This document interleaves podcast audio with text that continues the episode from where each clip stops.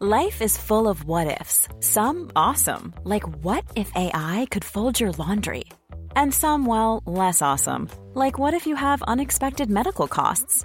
United Healthcare can help get you covered with Health Protector Guard fixed indemnity insurance plans. They supplement your primary plan to help you manage out of pocket costs. No deductibles, no enrollment periods, and especially no more what ifs. Visit uh1.com to find the Health Protector Guard plan for you. Nu kommer attack ifrån Sugarcane Hanover som går mycket, mycket fort tycker jag. Det är så fort så jag tror att Kallit kan få svårighet att svara.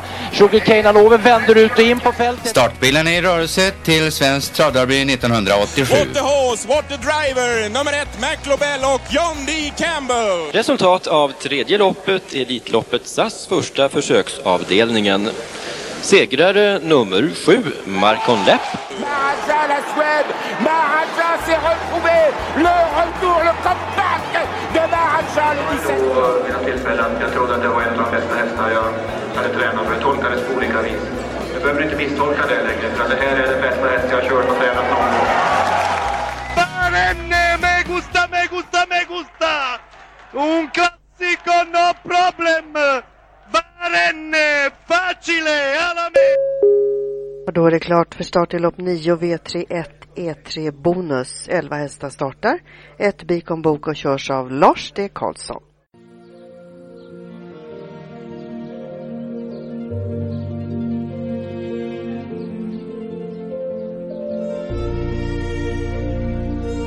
Gud har skapat honom, det är ett fenomen.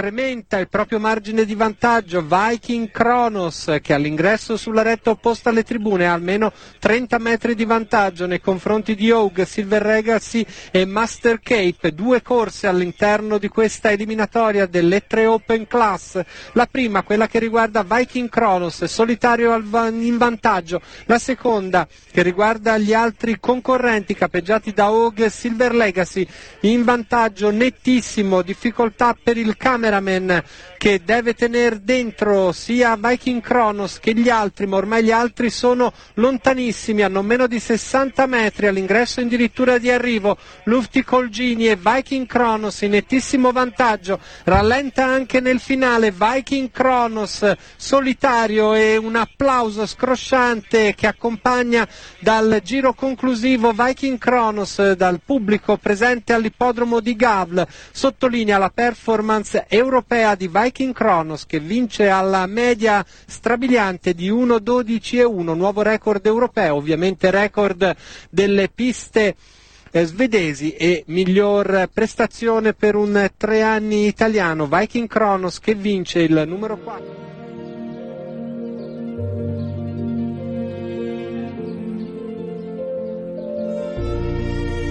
Gud har det är ett fenomen.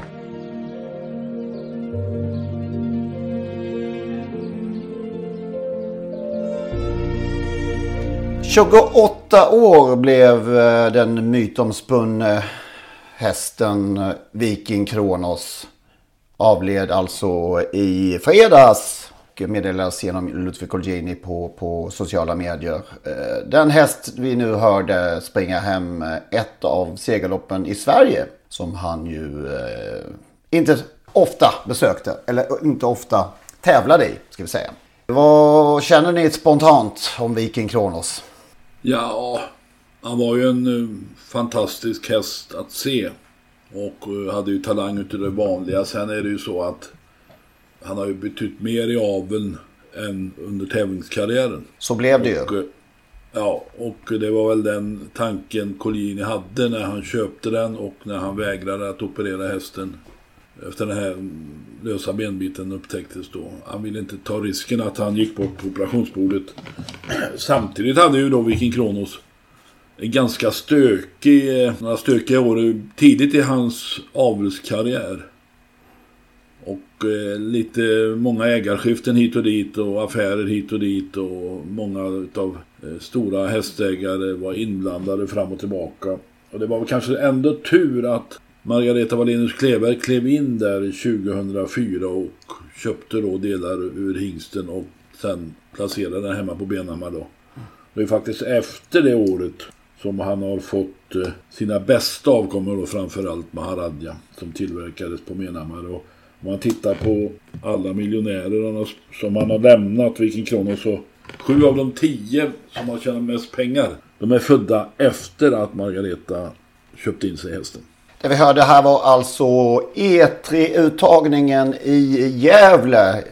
Augusti 90, vad blir det nu här? 90... 98 var det, 18 augusti 1998. Det sitter som en smäck hos Magnus Ståhlberg som var på plats. Vi hörde ju här alltså loppet på italienska. Det sändes till Italien och man kan se i eh, bild medan loppet pågår att det är ett eh, Una Corsa Senza Scomessa. Det är alltså ett lopp utan spel och det tror inte det har sänts jättemånga lopp eh, sådana med, med, utan spel i italiensk tv faktiskt.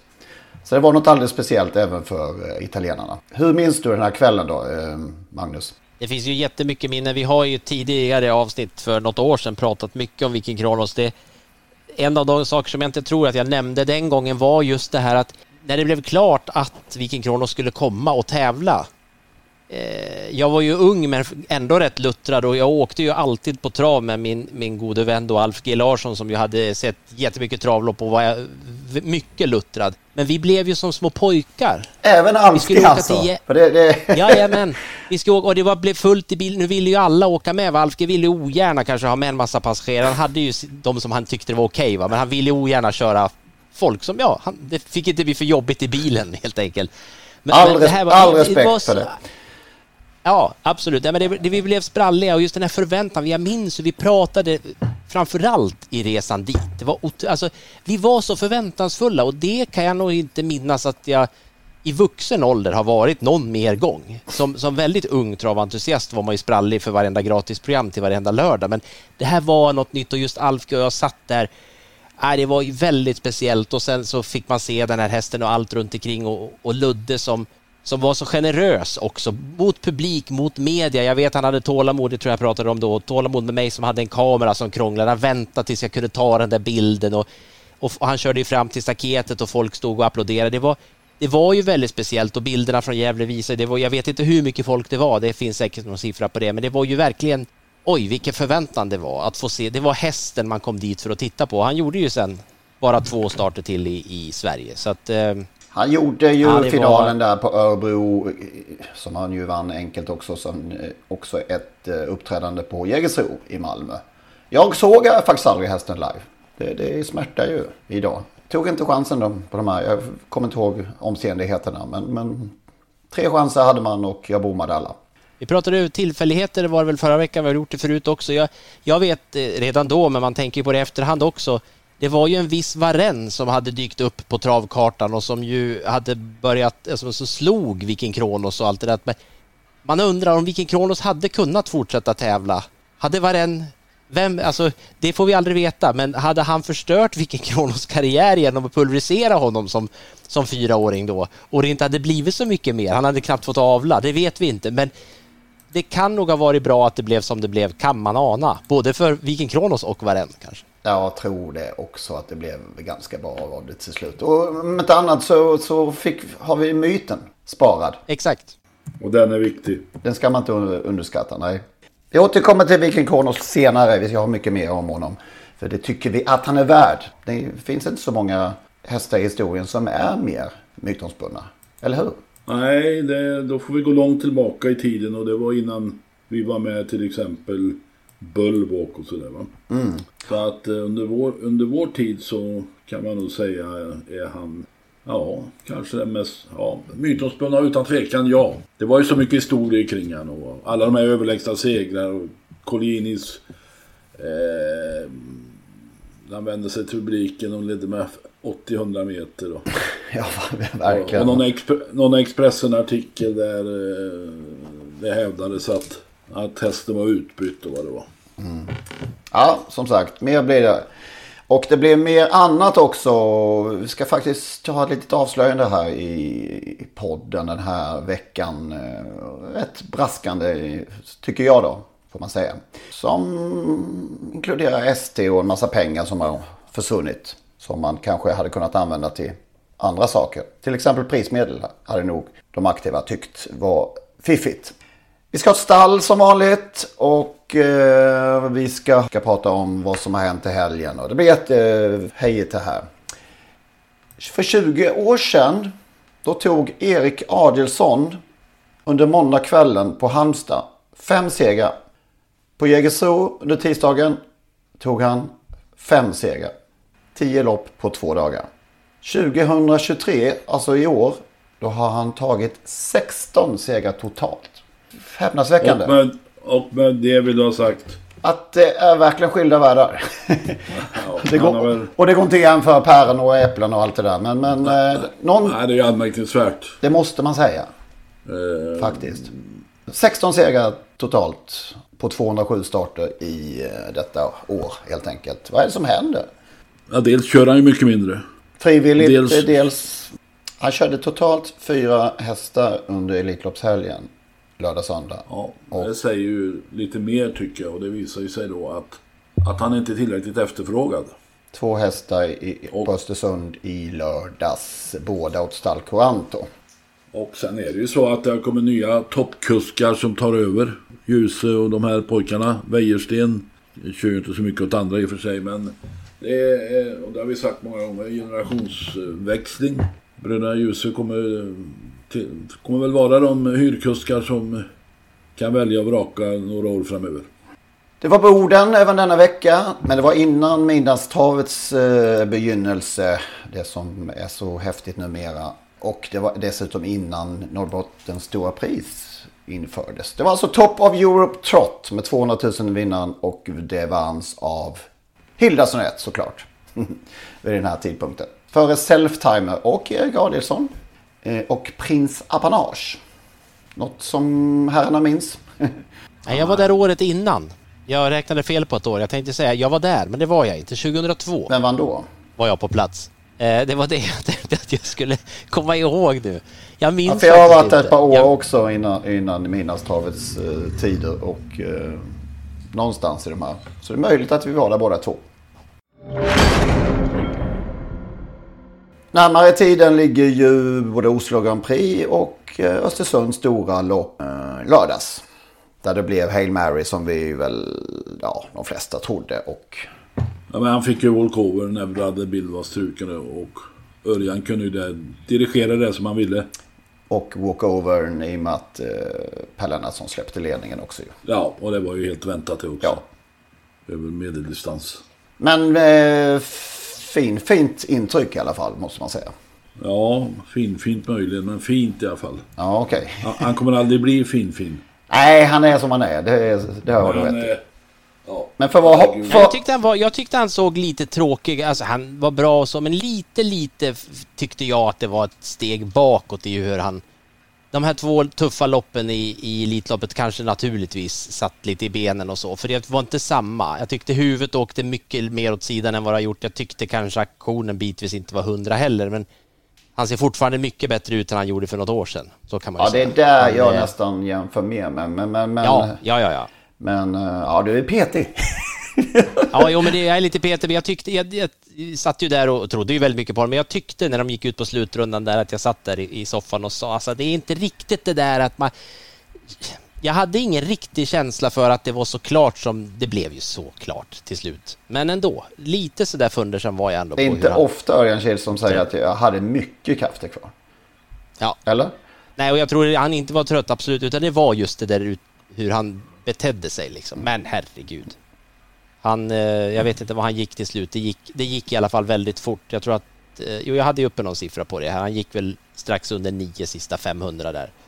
Ja det ska vi Det ska alla hästar kunna göra. Ja det är inte det, men de andra gjorde inte det om man säger så. Han gick, han gick åt, enligt ATG Labs där så gick han 8-8 sista fem och, och, det var det ingen av de andra som gjorde i det loppet. Så att, eh, och sitter man då i ledningen då, då är det över. Var det något från loppet i övrigt att... Ja, det var ju Just Believe spurtade ju... Ja, jag tycker Just Believe visade ju att han är... Eh, han, jag tror han blev sträckad på strax under 2% och jag tycker fortfarande det är väldigt, väldigt märkligt att han, att han var... Det var som... att många trodde på så, så mycket mer på andra hästar. Det, jag tycker det var märkligt att han överhuvudtaget blev sträckad på 2 Det fanns väl inget som tydde på att han skulle kunna vinna det här loppet. Ja, alltså jämfört med de andra menar jag. Jag tycker att han hade, jämfört med Jaguar Dream till exempel. Ja. En häst som blir påkörd i ett, i ett uttagningslopp till, till Elitloppet och förmodligen har tagit till finalplats. Det tror jag ju inte att Jaguar Dream har kapacitet att göra. Han är ute igen i Boden i eh, midnattssolen på lördag helt enkelt. Han hade en lite bättre tur i spårlotten, fick spår 5 ja. mm. Precis, han kan säkert roffa åt sig fina pengar igen. Ja, det, var, det, det, det enda lilla spänningen som skulle kunna bli är väl just spårlottningen som äh. gjorde att Francesco Zet fick spår 1. Inte ett dugg orolig. Nej, men det, nej, det, var man väl kanske inte innan heller, men det väl, var väl det enda spåret man inte ville ja. att han skulle... Alltså, säg så. Det var väl det spåret man ville att han skulle få för att det ska i alla fall finnas något att prata om. Ja, det kan de få göra då. Jag har sett Örjan lösa det där tusen gånger tidigare. Alltså bara tusen? ja, ja nej, det där... Ja. Låt mig säga där att vi hade ju en torsdags... Fredagspodd heter det. Ja. Där vi pratade om V75, där vi fick en klar av Jan Timonen. Ja, just det. El, El Royal som var lika otad som Hail Mary. Mm. Det ska vi ändå ge Magnus att han uh, klev före Timo där utan vetskap om detta. Ja, så, att, uh, så var det. Absolut. Så det var snyggt. Ni gick hand i hand till Toto eller? Hand i hand till luckan, ja. jo då, det gjorde vi. Ja. Så var det. Ja. ja. Vi gjorde det inte, inte, inte bokstavligt, men bildligt. Det var för långt emellan, men vi, vi, vi masar, vi, vi håller ihop så det blir inga avstånd. När vi... Och icke att förglömma, jag, jag spräckte spik... Spiktorkan. Sp spikspöket försvann. ja. Så hur, klev, klev jag förbi någon? Nej. Nej, nej, nej, det, tror jag, det tror jag.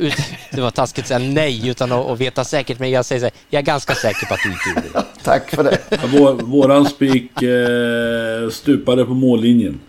Ja just det, den hade kallblodet båda. Ja det var ju... Ja det var ju ett, det, det är ett udda, udda sätt att förlora en, en, en, att missa en V75-seger på. Att bryta ut så man släpper ut den som sitter bakom. Det ser man inte jätteofta. Och, att, och så får man avstängning på det också. Det var, det var stenhårt för Adrian Solberg Axelsen. Han, han fick förvisso ett andra pris då, 55 000, men det blev, det blev dyrt för honom ändå. Det är sällan man ser ett kallblod ta in så mycket på så kort kort alltså, sträcka. Ta in åtta meter på de sista tio, det är nästan omöjligt. ja. ja. men det blev på stället marsch på, på, på dem där framme och inte minst på Ramstad Balder. Så att det, det enda man satt och hoppades på var just det att inte Rosborken skulle komma loss och det skulle han ju inte kunna göra heller.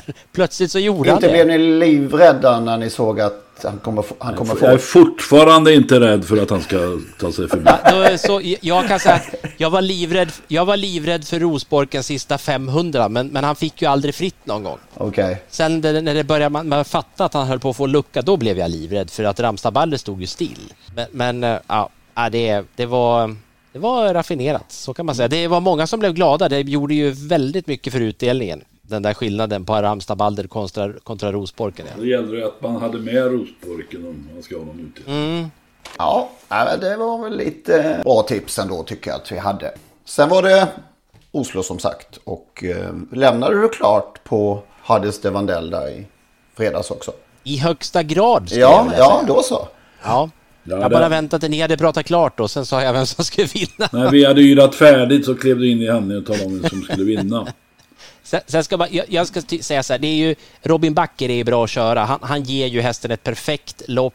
Eh, behöver egentligen inte göra någonting förrän han gör en väldigt stark sista, sista halvvarv där i tredje spår. Då gick det väldigt fort, så det är ingen skugga över hästen. Men han får ett perfekt lopp i inte alltför tuff omgivning och då vann han ju faktiskt hur lätt som helst. Jag vet inte, Oskar Eller om han inte riktigt fick upp farten förrän... Eller...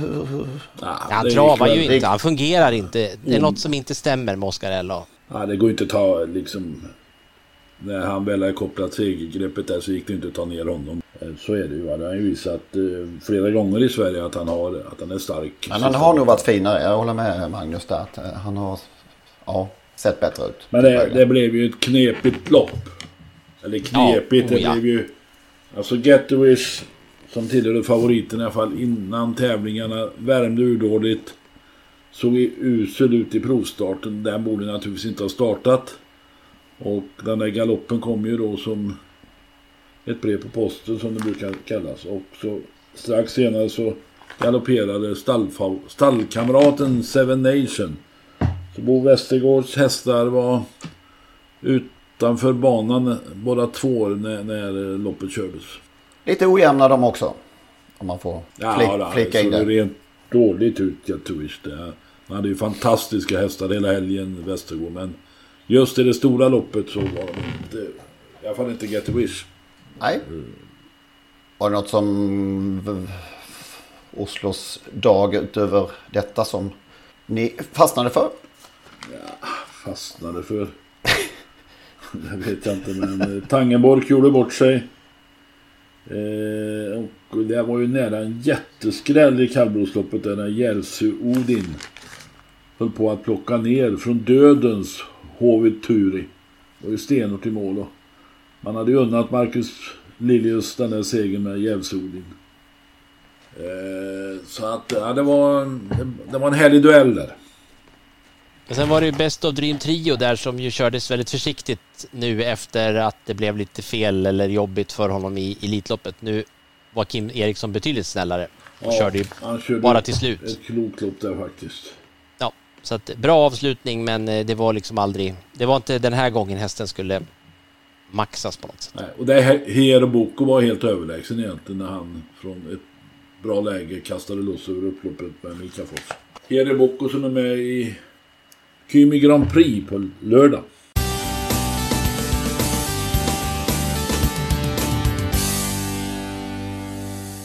Jag är lite less för tillfället. Trött på transportjournalistiken och att det inte lönar sig att bedriva sådan. Det är inte första gången, men eh, extra less nu. Den fullkomliga liksom, avsaknaden av riktig journalistik i eh, denna bransch. Det är liksom, vi har varit inne på det förr, så det är inget nytt. Men eh, det finns så mycket att lyfta på. Så många stenar att eh, gräva upp så att eh, det är bara liksom alibi-verksamhet som pågår på redaktionerna. Kan ni hålla med eller, är det, eller vad, vad, känner ni? Jo men det är klart att vi gör, eh, det är som du säger, alibi-journalistik. Det skrivs mycket som aldrig borde hamna i tidningar eller i andra media. Redovisning liksom är det, det är Ja, man, man hittar helt meningslösa saker att dra fram. Samtidigt som man då struntar, avstår från att titta på eh, de problem som finns och de eventuella skandaler som finns. Det är ytterst sällan att något avslöjas. i princip obefintligt med, med granskande och grävande och ska vi kalla det riktig journalistik. Alltså människor måste ju nästan eh, som på något sätt eh, i normala sammanhang skulle ligga lite illa till. De måste ju garva liksom åt att, det, det, de kan, att man kan det bete sig hur som helst. Liksom. Eller? Det finns så alltså man tar här, um, det har vi inte ens pratat om, Mattias Andersson-fallet. Att det blev eh, ett års avstängning va? Ja. Vad tyckte vi om det till att börja med? Själva Ja, det har ingen synpunkt på det. eh, Straffet, straffskalan där, ja, nej, jag, jag, jag tycker inget. Magnus? Eller tycker inget, ja. Det var väl väntat att han skulle bli fälld och sen ett år. Det innebär ju egentligen att hans karriär är över så det är väl livstid. Ja, läser, man, läser man den här domen så, så eh, utan att ha någon uppfattning om hur lång avstängning man ska ha och vad som är sk- skäligt och. Alltså, det var ju tveklöst något exceptionellt som ska dömas hårdare än mycket annat. Så att det går inte att, tycker jag, ha någon negativ synpunkt på, på den domen. Så. Nej, inte att den var för tuff. Nej, det skulle jag de- definitivt inte säga att den var. Det kan man inte tycka. Utan sen, sen hur tuff den skulle vara ytterligare, det är svårt. Men, men minst det som blev känns i alla fall helt rimligt. Där skulle man kunna till exempel gräva mer kring, kring det ärendet. Du, vad det finns för historik och vilka kontakter den här människan har. Och eh, det finns bilder från tillslaget som figurerar. Ingen som har eh, mördat sig med. Eh, vi har hela Danmarksaffären som det finns så mycket eh, oklarheter kring. Eh, alltså Danmarks samarbete med, ATG och deras spelbolag där. Hur mycket pengar det har kostat svensk travsport. Hur såg det till med Åbytravet och, Bergsgård.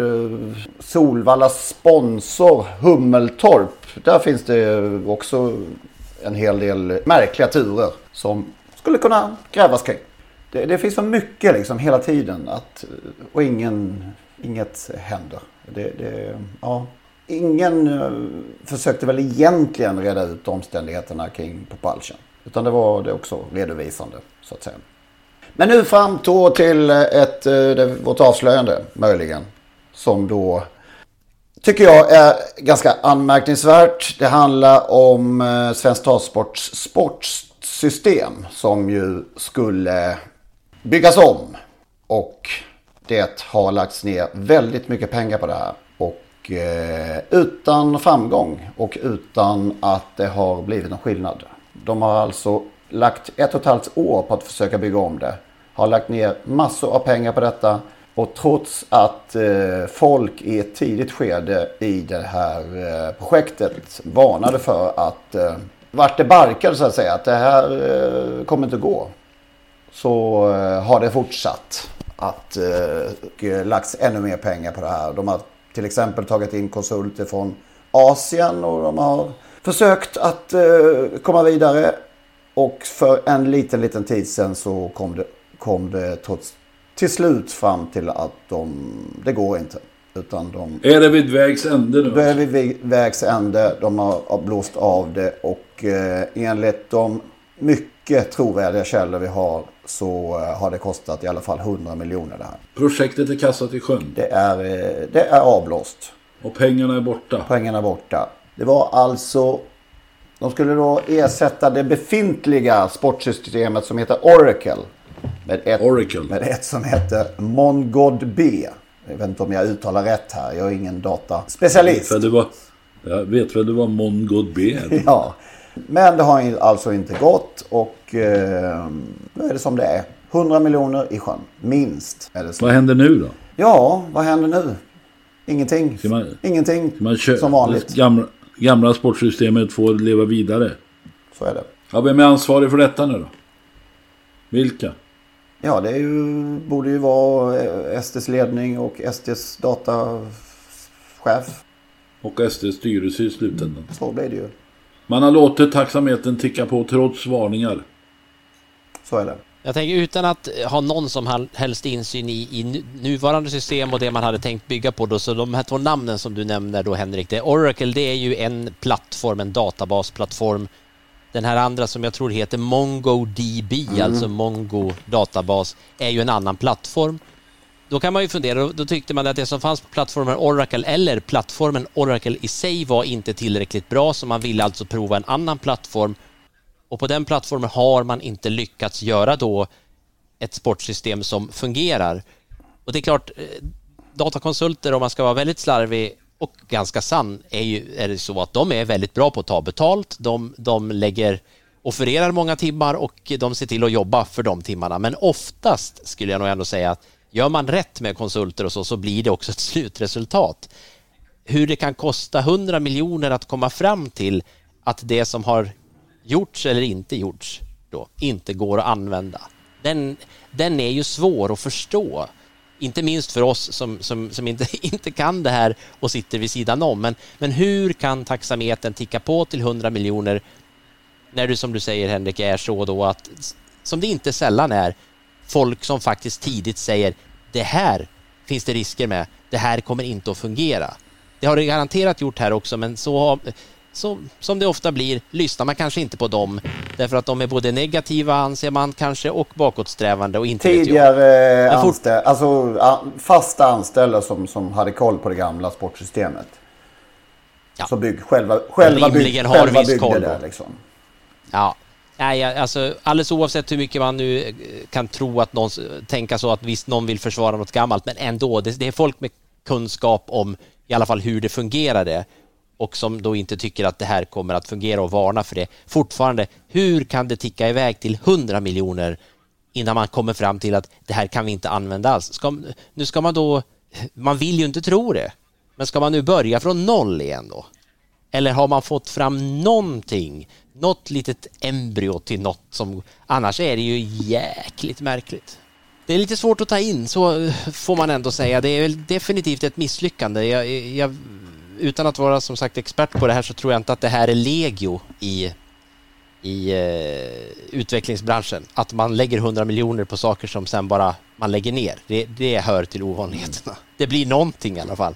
Ja, det är ju pengar som skulle kunna gått till annat som sagt. Och inte minst eh, tror jag att eh, Travsportens aktiva hade sett en annan... Eh, att de skulle legat på ett annat konto så att säga. Men då tänker jag nu om jag ska vara djävulens advokat här då på något sätt. Eh, är det så att den, den här... Har man beslutat det här, alltså finns det här beslutet officiellt nedtecknat på något papper? Så att en, en vaken journalist skulle kunna hitta det? Eller gäller det då att alla har så dåliga kontakter här Henrik och du har helt enkelt mycket bättre koll än de andra. Hur kommer det sig att ingen, eller vågar man inte? Det är ju, du har ställt frågan en gång så du har väl kanske inget svar, men man undrar ju ändå. Det här måste väl någon ha hört talas om förutom Henrik Ingvarsson? Ja, jag vet inte. Jag vet inte vad folk sysslar med i branschen. Nu, nu, nu, har, du, ju- nu har ju du gett ett antal uppslag för några hungriga Ja. här så det är ju bara att det, det är bara och det är det fritt fram, är det öppen källkod höll jag på att säga. Får vem som helst använda det, dessa uppgifter? Ja, då får ju, jag tycker att de i så fall får ange källa. om Att, Det ja. tycker jag. Det är ju givet naturligtvis, men, men, men du tar inte copyright Det finns ju en, en, en officiell siffra i ett dokument som inte är 100 miljoner men som är en bra bit dit på väg. Där finns inte alla pengar, kostnader med så att säga. Men eh, det finns, De har gömt undan kostnader på andra ställen. det finns, en, en, det finns ett officiellt dokument där, där en viss summa står. Så att, Mm. ja. Nej, men det vore väl jättetrevligt om, om någon kunde hjälpa oss nyfikna här nu när, de, när du har lagt, lagt bollen på Mm, straffpunkten. för jag orkar inte mer nu. så, så, så. Jag är mätt helt enkelt. Men eh, varsågoda.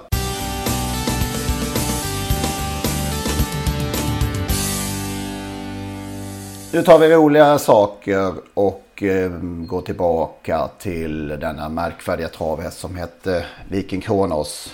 Och som alltså försvann ifrån oss i fredags. På förmiddagen där. Det var tydligen så att han, jag läste efteråt, Ludde har sagt att han, eh, ja, han la sig ner och reste sig inte igen helt enkelt. Han var, han var färdig. Han, hade, han var nöjd med livet. Mm. Det var inre blödning jag läste någonstans. Man tittar på resultatraden så stod han aldrig i... Han stod, aldrig, han stod alltid i 14, under 1,40 odds. Var det så? Även, starter. även i det italienska derbyt alltså? Hela tiden. El, el, 13, 13, 11, 11, 11, 10, 10, 12. Alltså han, till och med när Lennart Forsgren körde så stod han i 1,20. Ja. 11, 11, 10, 12, 13 då förlorade han. Han är helt... eh, Ja, Mm. så överlägsen var han. Så, 5, ja, nästan 6 miljoner intjänat och och 12 segrar på 14 starter. Väldigt kort karriär ju. Mm. Jag tänker bara, man kan ju undra varför han stod så högt odds som 1,22 då i finalen av eh, E3 där på Örebro. Och det var för att bland annat undertecknad med några till hade ju också sett Jidde Palema. Och någonstans ville man ju någonting annat då spelmässigt. Men, men det var ju Jidde som drog spel förutom Vicky Kronos. I övrigt så var det ju så att tredjehandsfavorit i det loppet det var Turbo Sandy som stod i 22 gånger. Så att det var ju Jidde som balanserade. Hade inte Jidde varit med så hade väl Vicky Kronos stått i en gång i pengarna där också. Vad stod GD? Han stod i 4,20 så det var, det var ju mycket surr. Alltså, Ludde gjorde ju alla rätt i det loppet också. Liksom, han stack iväg och, och, och körde i det som, det som gick. Och då, Jidde plockade ju väldigt mycket, gjorde han ju sista 300, men det spelade liksom ingen roll. Det var ju aldrig nära. Jag tänkte vi skulle lyssna på eh, en bit här ur eh, Ludvig Colginis sommarprat. Som ju en viss Lennart Persson känner igen. Eftersom det var du som skrev det. Eh, Hur var det där samarbetet?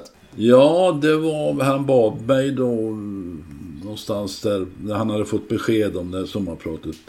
om- jag ville hjälpa honom. Så jag var väl i bom där. Satt i köket och på altanen och eh, skrev då. Pratade med honom och skrev och så kom det hästögar från Norge och så försvann han i två timmar. Och, och där satt jag och så kom det nya hästar och så var det grogg på altanen. Eller ja, vin på altanen och grillning på kvällen. Och jag bodde en bit därifrån i något eh, pensionat och så hämtade de någon mig på morgonen och så höll vi på tre, fyra dagar. Ja, det är otroligt att det blev ett sånt fint flyt i hans prat utifrån hur, avbr- hur mycket avbrott det egentligen var. Ja, det var, ja, det var en del avbrott. Jag måste sköta mina kunder också, skrek han. Nej, men det, Var det ett litet, litet mirakel att det blev så bra som det blev? Låter det som, eller? Ja, om det nu blev bra så kanske... Jo, men det, det blev det. Och det tror jag väldigt många tyckte också vid det aktuella tillfället. Att, uh, faktiskt, ja. Men vi lyssnar eh, här på en bit av det hela när Viking Kronos är inblandad i högsta grad. Vad jag inte visste då var att min räddning, både sportsligt och ekonomiskt, men också personligen, föddes detta år i Italien. Han heter Viking Kron. Fäller ingen tår, 28 hårda år. Jag går omkring och tar allt skit som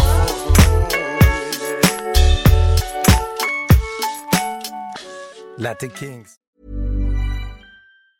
Even when we're on a budget we still deserve nice things. Quince is a place to scoop up stunning high-end goods for 50 to 80% less than similar brands. They have buttery soft cashmere sweaters starting at $50, luxurious Italian leather bags, and so much more. Plus, Quince only works with factories that use safe, ethical, and responsible manufacturing. Get the high-end goods you'll love without the high price tag with Quince. Go to quince.com slash style for free shipping and 365-day returns.